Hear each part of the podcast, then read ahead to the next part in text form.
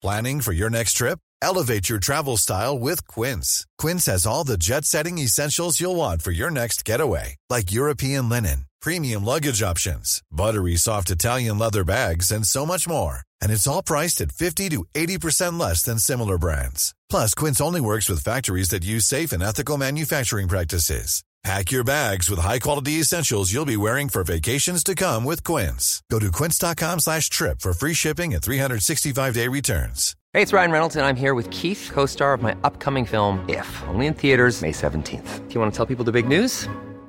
All right, I'll do it. Sign up now and you'll get unlimited for $15 a month in six months of Paramount Plus Essential Plan on us. Mintmobile.com slash switch. Upfront payment of $45 equivalent to $15 per month. Unlimited over 40 gigabytes per month. Face lower speeds. Videos at 480p. Active Mint customers by 531.24 get six months of Paramount Plus Essential Plan. Auto renews after six months. Offer ends May 31st, 2024. Separate Paramount Plus registration required. Terms and conditions apply if rated PG. Du lyssnar på Brobacke Podcast. Varje vecka kommer jag ge min marknadssyn med fokus på pris, sentiment och makro. Välkomna! Då var det dags för avsnitt 67 av Brobacke Podcast. Jag är tillbaka efter ett litet vinteruppehåll. Senast ni lyssnade på mig var ju med min gamla poddkollega Tenbagger David Bagge den 1 december. Och nu när vi spelar in det här så är det den 18 januari 2023. Så att eh, det har gått ett par veckor, minst sagt. Och eh, det har ju också hänt lite på marknaden, får man ju absolut säga. Eh, vi har sett klart positiva tendenser sedan dess, får vi säga ändå. Tittar vi på Europa, vi kan ta DAX, OMX upp lite drygt 4,5-5 procent sedan dess. Vi kan ta UK, Storbritannien, bryter upp mot nya all time highs, upp 4 procent. Eh, vi kan kika in på metaller som kanske har varit, en, varit den största vinnaren sedan Q4 egentligen. Och då har vi sedan 1 december koppar rejält momentum, upp nästan 9% Vi ser guld som rippar, vi ser silver som rippar. Går vi in på räntemarknaden så kan vi se att eh, global high yield stiger. Eh, vi kan kika på Eh, även på stats eh, amerikanska treasury som också har kommit upp. Så vi har sett en klart fortsatt förbättrad eh, riskaptit på marknaden. Tittar vi på breda index S&P 500 så är det en ner lite drygt 2% sen 1 december. Och det har ju såklart att göra med det ohälsosamt stora eh, techviktningen i det indexet som har fortsatt att vara det sämst presterande. Eh, vi kommer komma in på det lite senare i det här avsnittet, men även där börjar vi faktiskt se nu klart intressanta tendenser på det som har varit mest slaktat, mest nedtryckt, det vill säga tech och growth-aktier eh, som faktiskt har kommit igång här i början på det nya året. Då. Lite kort summerar, vi ska inte lägga mycket tid på 2022, men eh, jag kan konstatera i alla fall att eh, Financial Times eh, släppte en artikel här som hade tittat på historik på 150 år och menade på att 2022 blev det värsta året sedan 1871 för en lika viktad portfölj av aktier och räntor. Eh, och när jag summerar 2022 så är jag då, får jag ändå säga, stolt och glad att min eh, första lågriskprodukt som eh, jag förvaltar slutade på plus. Så att det, det är kul att kunna leverera i ett sånt klimat som ändå var väldigt, väldigt stökigt förra året. Och jämför jag med alla breda allokeringsmandat på stan, vi kan ta bankerna, försäkringsbolagen, eh, wealth managers, så var det ingen av de breda modellportföljerna som lyckades vara på plus förra året. Så ja, kul att se att Brobacke Global Allokering har eh, lyckats leverera även ett tufft år som förra året. Tar vi den nya fonden då, som jag tycker är ett ännu bättre djur som ni känner till. Det är en lite högre riskklass, riskklass 5, vilket ger mig ännu mer utrymme. Det är också en betydligt snabbare och effektivare exekvering. Den har nu levererats sedan start 15 november 2022, eh, lite drygt 3 då. Och det är ju en global makrostrategi eh, som ska vara ett alternativ till en 50-50-portfölj, men med låg korrelation mot aktier och räntor. Och målavkastning eh, ska ligga efter avgifter på mellan 10 till 15% per år. Då. Eh, så att, att vi har kommit upp 3% hittills, det, det är också en, en kul och, och trevlig start. När vi tittar på säsongseffekter och säsongsmönster så kan vi se att det berömda julnisserallyt som många började avskriva redan i mitten av december, men då har man ju inte riktigt kollat på datan och den faktiska historiken. För julrallyt ska ju komma igång det här året då, 23 december till 4 januari. Eh, och det blev faktiskt en mycket stark period för aktier. USA var lite sämre än Europa. Jag tror det var upp 0,8 S&P men vi såg DAX, OMX lite drygt 4% upp. Då. Eh, vi kan även titta på en annan så här, säsongsmönster som, som är intressant. De fem första dagarna på S&P. Om de är positiva så brukar det ge en, ge en ganska bra hitrate framåt, ett år framåt. Då. Och även de var positiva. Då. Och vi kommer ju från ett starkt säsongsmönster som inte är avslutat ännu, det vill säga presidential cycles eller midterm cycles som började i slutet av Q3 och bör fortsätta uppåt ett år. Eh, så vi är fortfarande i ett, liksom en säsongsmässigt bra period för aktier och framförallt det som är det viktiga med de här säsongsmönstren, det är att vi vill se om det följer det historiska mönstret eller om det avviker. Och so far så får vi säga att det har eh, legat till fördel för eh, bulls eller för, för positiva trender. Då. Vi ser mindre och mindre kommentarer om att vi fortfarande är i ett bear market rally och eh, jag tycker det är något att lägga fakta på. Något som har varit ganska tydligt eh, och som jag har eh, lyft här i, i höstas och i slutet av förra året är att vi har sett en klar disrepans mellan de största bolagen och därmed också breda index, S&P Nasdaq, som har haft en klar relativ svaghet gentemot om vi likviktar index. Faktum är att om vi tittar nu, eh, sen i juni 2022, då nya lägsta listan bottnade ur, det vill säga eh, flesta aktierna slutade göra nya lägsta. Tittar vi på likaviktade sektorer, eh, så vi får bort den här liksom, eh, tilten mot de här största bolagen, då är alla sektorer nu i USA på plus. Så om vi ska titta på en marknad av aktier, då avslutades bear marketen faktiskt i juni 2022. Sen får vi en annan bild om vi tittar på marknadsviktade index. Men tittar vi på likaviktade index så är nu alla sektorer på plus och bear marketen enligt då att de flesta aktierna bottnade i juni 2022. Då. Och när vi ändå är inne på nya högsta och nya lägsta så har vi faktiskt de senaste dagarna sett en väldigt bullish tendens och det är att för första gången sedan november 2021 så är det nu fler aktier som gör nya högsta än nya lägsta på S&P 500. Uh, och det är också någonting att uh, ta med oss. Fler aktier nu gör nya högsta uh, än nya lägsta. Då. Historiskt, om vi ska titta på, vi kan egentligen gå tillbaka och titta sen nästan över 20 år, så har eh, US varit i den långa trenden, ska sägas, har, har US varit eh, ledande. Eh, det fanns perioder från eh, 2004 till 2007 när eh, resten av världen taktade lite bättre, men den långa trenden har ändå varit till förmån för US. Och eh, det som faktiskt är väldigt, tycker jag, någonting att lägga märke till, att nu börjar vi få, eh, för första gången på ganska länge, en outperformance av aktiemarknader utanför eh, USA då, som överpresterar. Och det där tycker jag också är någonting att ta fakta på. Eh, så det, det, är en, det här är en längre trend. Det säger inte så mycket om tajmingen just nu eller vad som kommer att hända nästa månad. Men vi har börjat se intressanta tendenser just från det här långsiktiga spelet mellan marknader utanför US och eh, US. Om vi ska ta och titta på storleken på bolag eh, och då tittar vi på sektorer i US. Om vi delar upp dem mellan small cap, mid cap och large cap så är det mid cap-aktier som har lett den här uppgången.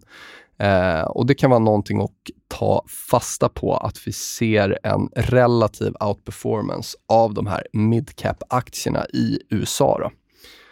Och vi kommer över på diskussionen growth mot value Eh, så har ju det varit en enorm outperformance av value under eh, 2022. Dow Jones Eh, ja, när året var slut var ju bara om det var 7-8% från all time highs medan Nasdaq stängde väl eh, nästan 30% från sina all time highs. Så en, en rejäl fördel för, för value och den där trenden har ju varit egentligen eh, ner eh, sen i 2021. Då.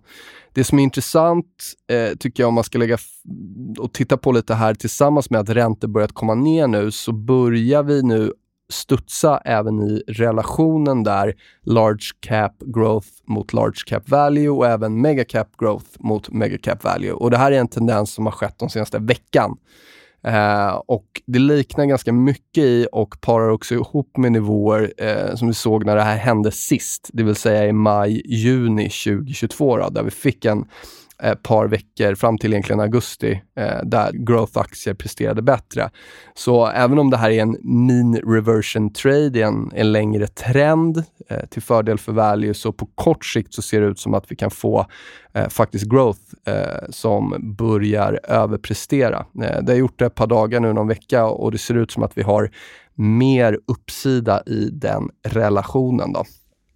En stor del av de här growth-aktierna, det är ju såklart Amazon och Tesla och då är vi inne på Consumer Discretionary-sektorn, det vill säga XLY.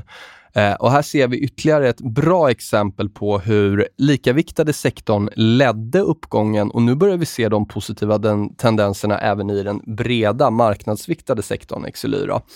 Så eh, jag tror att den likaviktade eh, Consumer Discretionary-sektorn gör ju nya åtta månaders högsta just nu.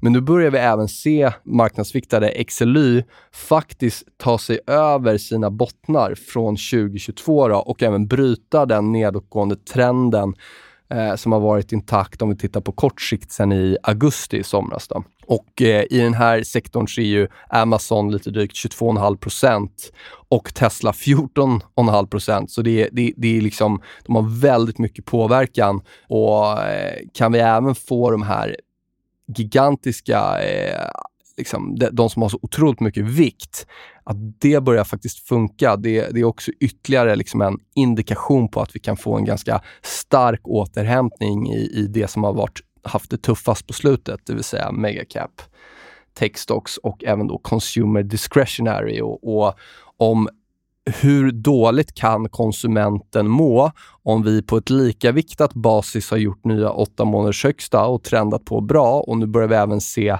marknadsviktade delen av den sektorn eh, faktiskt eh, ta tillbaka tidigare bottnar. Eh, det är ju en klar förbättring, eh, får vi ändå ta och säga.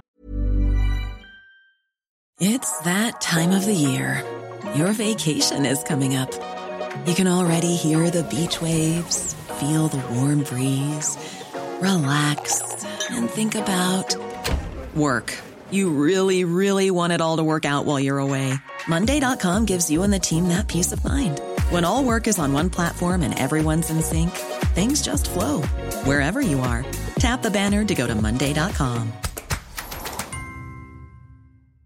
Ever catch yourself eating the same flavorless dinner three days in a row? Dreaming of something better? Well, HelloFresh is your guilt free dream come true, baby. It's me, Gigi Palmer. Let's wake up those taste buds with hot, juicy pecan crusted chicken or garlic butter shrimp scampi. Mm. Hello Fresh. Stop dreaming of all the delicious possibilities and dig in at HelloFresh.com. Let's get this dinner party started.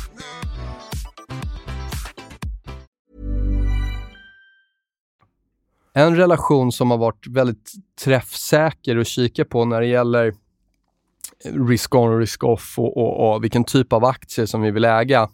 Det är ju eh, den här grafen High Beta Stocks mot Low Beta Stocks. Eh, SPHB mot SPLV. Eh, och då får vi ju liksom en, en, klar indikation på om då högbeta-aktier överpresterar lågbeta-aktier tenderar vi att vara ett ganska positivt riskklimat och vice versa. Då. Eh, det där är en graf som jag har postat eh, under lång tid och eh, nivåerna som egentligen vi har spelat med under större delen av 2022 och nu även i 2023. Det är egentligen 1,10 på uppsidan som är taket och 0,97 på nedsidan då, som är botten. Och nu har vi studsat där ytterligare en gång eh, på nedsidan och vi tar oss hela vägen upp till den här 1,10 igen. Och får vi nu ett bryt, jag tror det här är tredje testet sen i höstas, Får vi ett bryt upp i den här relationen, det vill säga högbeta-aktier fortsätter att, att outperforma lågbeta-aktier, det är såklart en väldigt bullish indikator. Det går inte att säga så mycket mer om det. Um, vi kan ta exemplet om vi hoppar över på räntemarknaden, om vi ska fortsätta i den relativa världen så fortsätter high yield, det vill säga bonds som har lite högre företagsobligationer, corporate bonds, Eh, om vi prisar det mot IEF, alltså eh, 7 och 10-åriga Treasury Bonds i USA, så fortsätter den relationen att stiga. Den gjorde ju en ny all time high i höstas och har nu fortsatt att stiga till förmån för high yield bonds, vilket såklart också måste läggas i den positiva vågskålen pratar lite inflation och då inte några laggande inflationssiffror utan vi tittar på hur räntemarknaden prisar inflation och de har ju varit spot on och förutspå både ränteuppgång och eh, inflationen eh, på uppsidan tidigare och de var även spot on på att hitta inflationstoppen i eh, slutet av förra våren. Då. Och då ser vi att den där relationen, eh, tips över IEFs, har nu brutit ner, tror jag, för tredje gången på kortare tid under 1,10. Eh, och eh, så länge vi är under den stödnivån så är det svårt att prata om en extrem inflationschock, eh, skulle jag säga. Så att eh, just nu räntemarknaden prisar att inflationen sjunker snarare än att den stiger. Då. Och vi är ju faktiskt under vad den var i februari 2022 innan kriget bröt ut. Ska vi komma in och prata lite bonds, obligationer, så ser vi att räntor har fortsatt att sjunka. Eh, global high yield har eh, fortsatt att eh, stiga. Vi kan även kika in på, om vi tittar på eh, europeiska corporate bonds och lågduration corporate bonds. Även där har vi haft en positiv utveckling eh, och den börjar faktiskt ta sig tillbaka över eh, bottnarna från eh, covid-kraschen. Vi kan kika även in på eh, tyska tioåringen. Vi såg att amerikanska tioåringen toppade betydligt tidigare, men nu ser vi även att tyska tioåringen följer efter amerikanska tioåringen eh, och har börjat komma ner i räntan, så, så eh, obligationen har börjat stiga. Eh, och det tror jag också är en, eh, liksom ytterligare en anledning till varför de här growth och tech-aktierna har börjat hitta mark. Då, att vi ser globalt att räntor börjar komma ner. Det betyder inte att den långa trenden av stigande räntor har förändrats, men däremot så ser vi just nu en klar mean reversion trade i räntorna. Eh, räntor ner, obligationer upp. På samma sätt som vi ser en, en mean reversion trade i, i growth versus value. Då.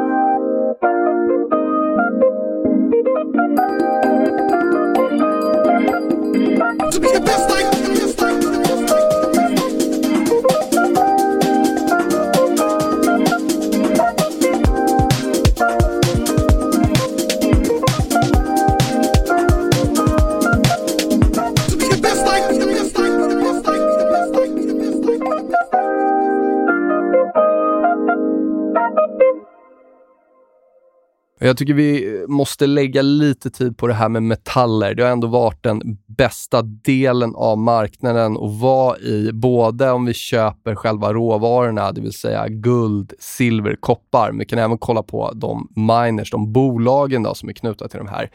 Eh, har varit, gått riktigt, riktigt starkt sedan Q4. Och det började med guld, och det började med silver och nu har även kopparn vaknat till liv. Då. Och ska vi om man ger en lite bredare bild av guldet så tycker jag någonstans att eh, det är intressant att nämna var vi kommer ifrån. Tittar vi på den förra cykeltoppen i guld 2011 så är det nästan exakt där som vi är just nu. Då.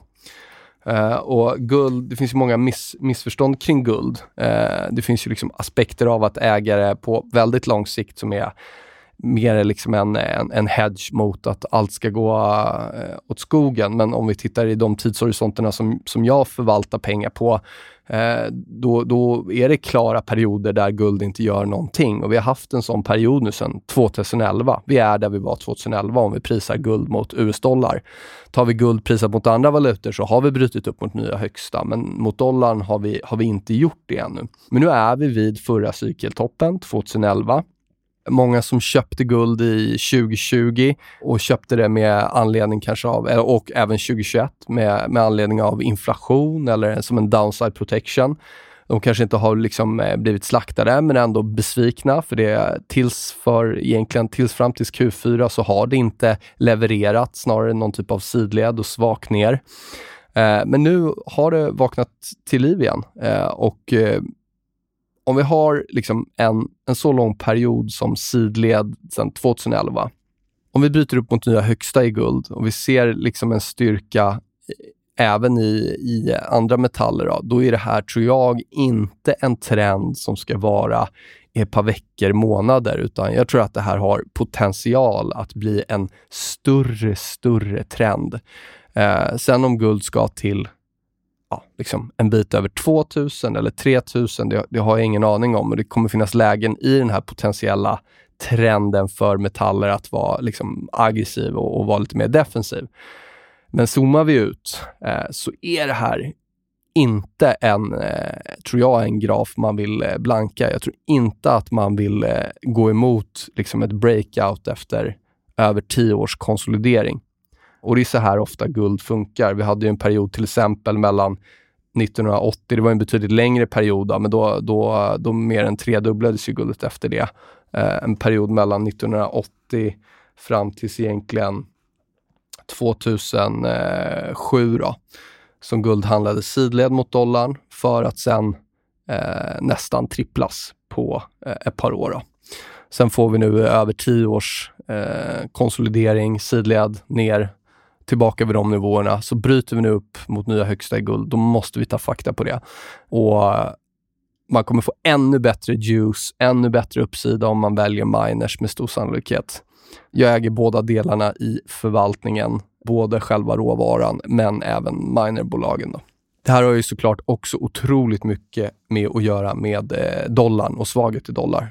Så att, eh, vi ska prata lite dollar här snart, men det, men det hänger ju ihop så att säga om vi tittar på aktiesidan, om det har varit growth och, och, och tech och, och, då kan vi se till och med såna här enormt hatade eh, liksom ETFer och, och, och, sektorer som till exempel, ta ARK till exempel, som faktiskt börjar ta tillbaka sina bottnar. Ska vi hoppa in på det motsvarande då, eh, riskigast, mest hatat, mest nersnackat, då är det ju såklart krypto.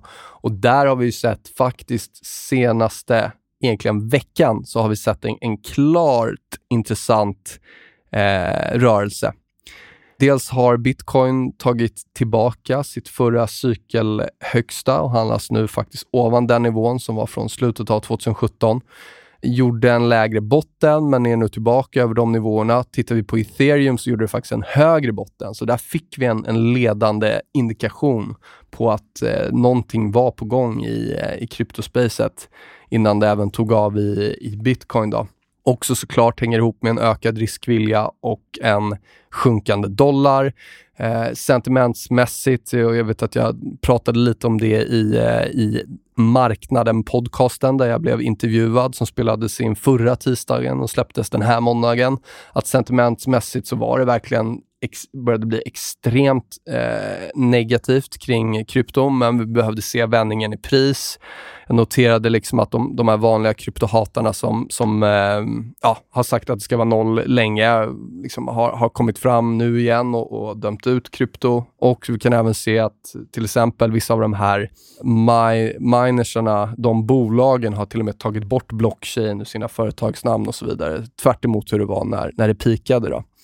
Eh, men nu har vi sett vändningen upp i pris och vi kan inte säga ännu att det är en ny bull för krypto, men eh, klart finns förutsättningarna där. Och Jag tror att det blir de här tidigare cykelhögsta, både i ethereum och eh, nivåmässigt där så är det ju 1400 lite drygt jag tittar på då, som vi vill vara över.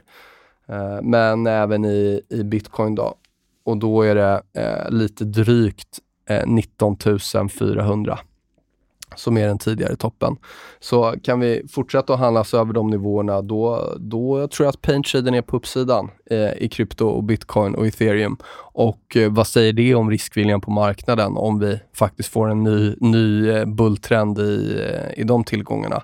Antagligen inte en marknad när allt ska gå åt helvete. Eh, snarare det motsatta, även för aktier. Och eh, mycket av grunden i den här riskviljan som har kommit tillbaka till marknaden, det är ju såklart dollarn. Tittar vi på ett brett dollarindex så toppade det ur i, eh, i början av Q4 och det är, det är även sen dess som riskviljan har kommit tillbaka. Det slog först in på metaller och i eh, Europa och så vidare, men nu har den även kommit tillbaka i det här eh, riskigaste segmentet. Då. Eh, och eh, nivån att fokusera på i dollarindex, det är de här tidigare topparna som agerade motstånd eh, vid covid-kraschen. Det vill säga att dollarn var mycket stark, kom upp till den här nivån, vände ner, aktier vände upp. Det var samma nivå 2016, eh, slutet av 2016, när dollarindex toppade vid lite drygt 104 eh, och sen gick aktier bra. Då. Och nu är vi faktiskt under den nivån i dollarindex. Det man ändå ska ha med sig tycker jag det är att januari ska historiskt vara den starkaste månaden för dollar. Så att det finns fortfarande ett scenario där dollarn hittar styrka här och det skulle nog eh, absolut på kort sikt vara en, eh, lite en våt filt för risktillgångar. Vi har inte sett det än så länge. Vi ser ingen stor reaktion egentligen i dollarindex ännu, men den, den vill jag ändå lägga till att Eh, vi, vi, har inte avslutat den här månaden ännu. Det är, 12, det är lite drygt, ja det är den 18 idag då. Så att skulle vi se en, en, en, snabb rörelse upp här i dollarn, så vi tar, tar, oss över det här tidigare motståndet och att det skulle börja agera stöd, samtidigt som det är den starkaste månaden enligt säsongseffekterna för dollarn, eh, då kommer det vara en våt filt för aktier. Vi ser dock inte det ännu. Och som det är med säsongseffekter, om, det, om någonting avviker från det normala, från det det borde hända, då är det en väldigt stark indikation åt andra hållet. Då. Eh, så då, då, då, om det här bara fortsätter ner i dollarindex, då måste vi dra slutsatsen att det finns många säljare av dollar där ute och det bör inte vara negativt för risktillgångar. Inte för, eh, inte för aktier, inte för krypto, inte för bonds. Inte för råvaror heller för den delen kika in på lite aktiesektorer och det är många, eller de, de, alla de här jag nämner här äger jag i eh, Brobacke Global Allokering. Eh, europeiska banker har varit ett fullständigt djur. Egentligen sen, eh, sen eh, pratet om att vi hade ett nytt Lehman Brothers på gång här med den eh, europeiska eh, omtalade banken så har europeiska banker bara rippat rakt upp. Det är bland det starkaste du kan äga. Och eh, dels så talar ju det emot recessions... Eh, att, att eh, liksom konsensuset var ju att Europa var i recession och då, trots det så handlas europeiska banker mycket starkt eh, och testar liksom nivåer vi inte har sett på flera år. Vi kan även gå in och titta på europeisk healthcare eh, som ser starkt ut och är på väg att bryta upp över viktiga motståndsnivåer.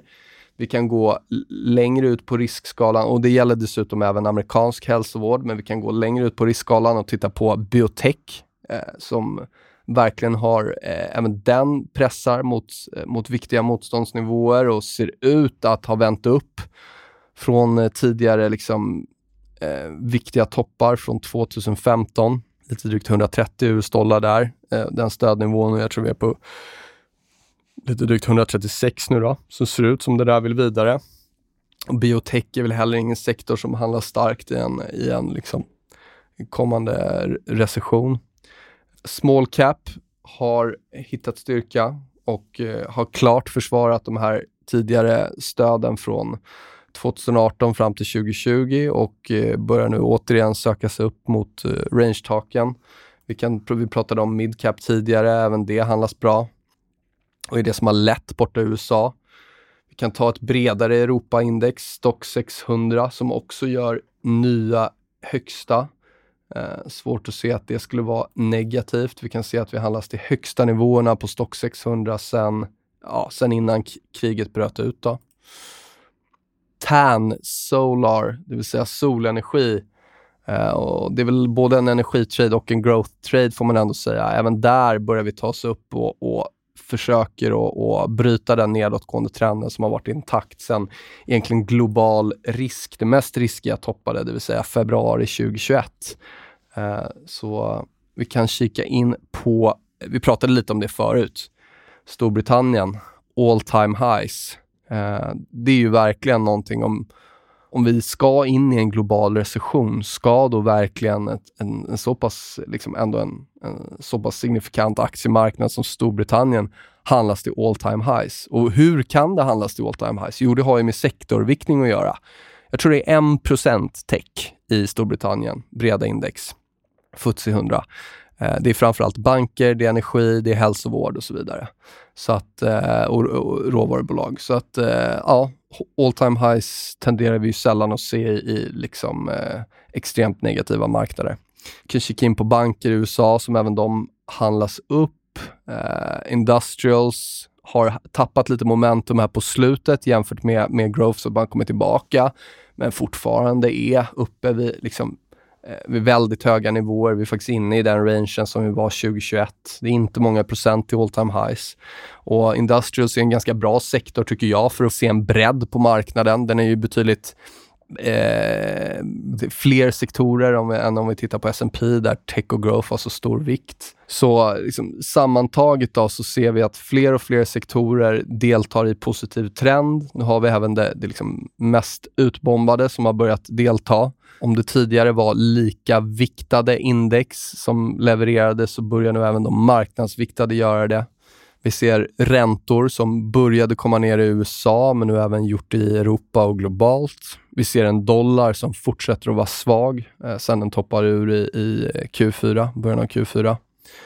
Eh, så sammanfattningsvis, eh, och den kan vi nämna också, nya högsta början är nu faktiskt fler än nya lägsta. Eh, och, och, när vi tittar på både Nasdaq och New York Stock Exchange. Så att jag tycker att, eh, tycker att bevisen fortsätter att tala för att vi är i en positiv trend. Value boomer-sektorer har gått bra ett bra tag nu. Nu börjar även det mest riskiga att, eh, att eh, delta eh, och faktiskt outperforma här på slutet.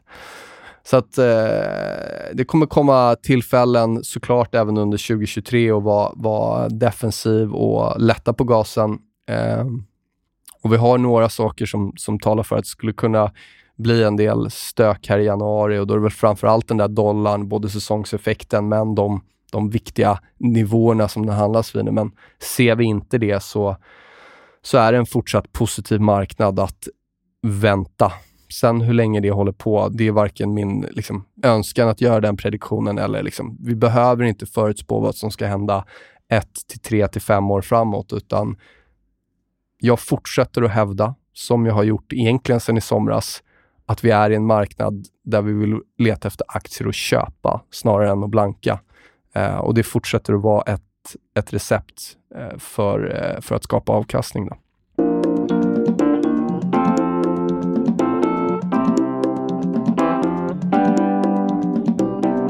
Så med det sagt så uh, rundar vi av avsnitt 67 av Brobacke Podcast.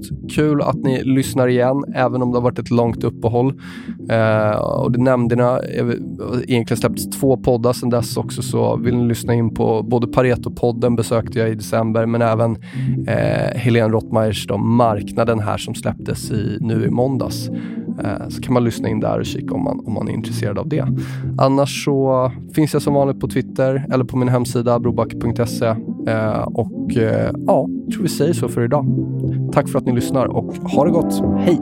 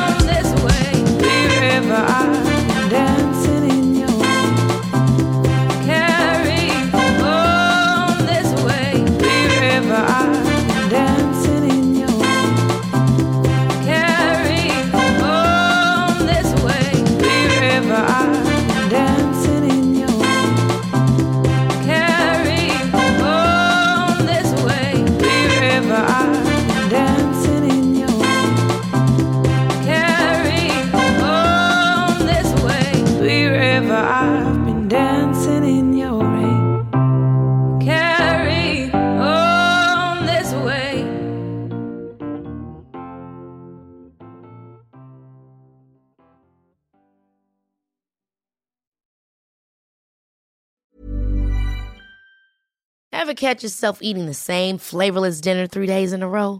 Dreaming of something better? Well, HelloFresh is your guilt-free dream come true, baby. It's me, Kiki Palmer. Let's wake up those taste buds with hot, juicy pecan-crusted chicken or garlic butter shrimp scampi. Mm. Hello Fresh. Stop dreaming of all the delicious possibilities and dig in at HelloFresh.com. Let's get this dinner party started.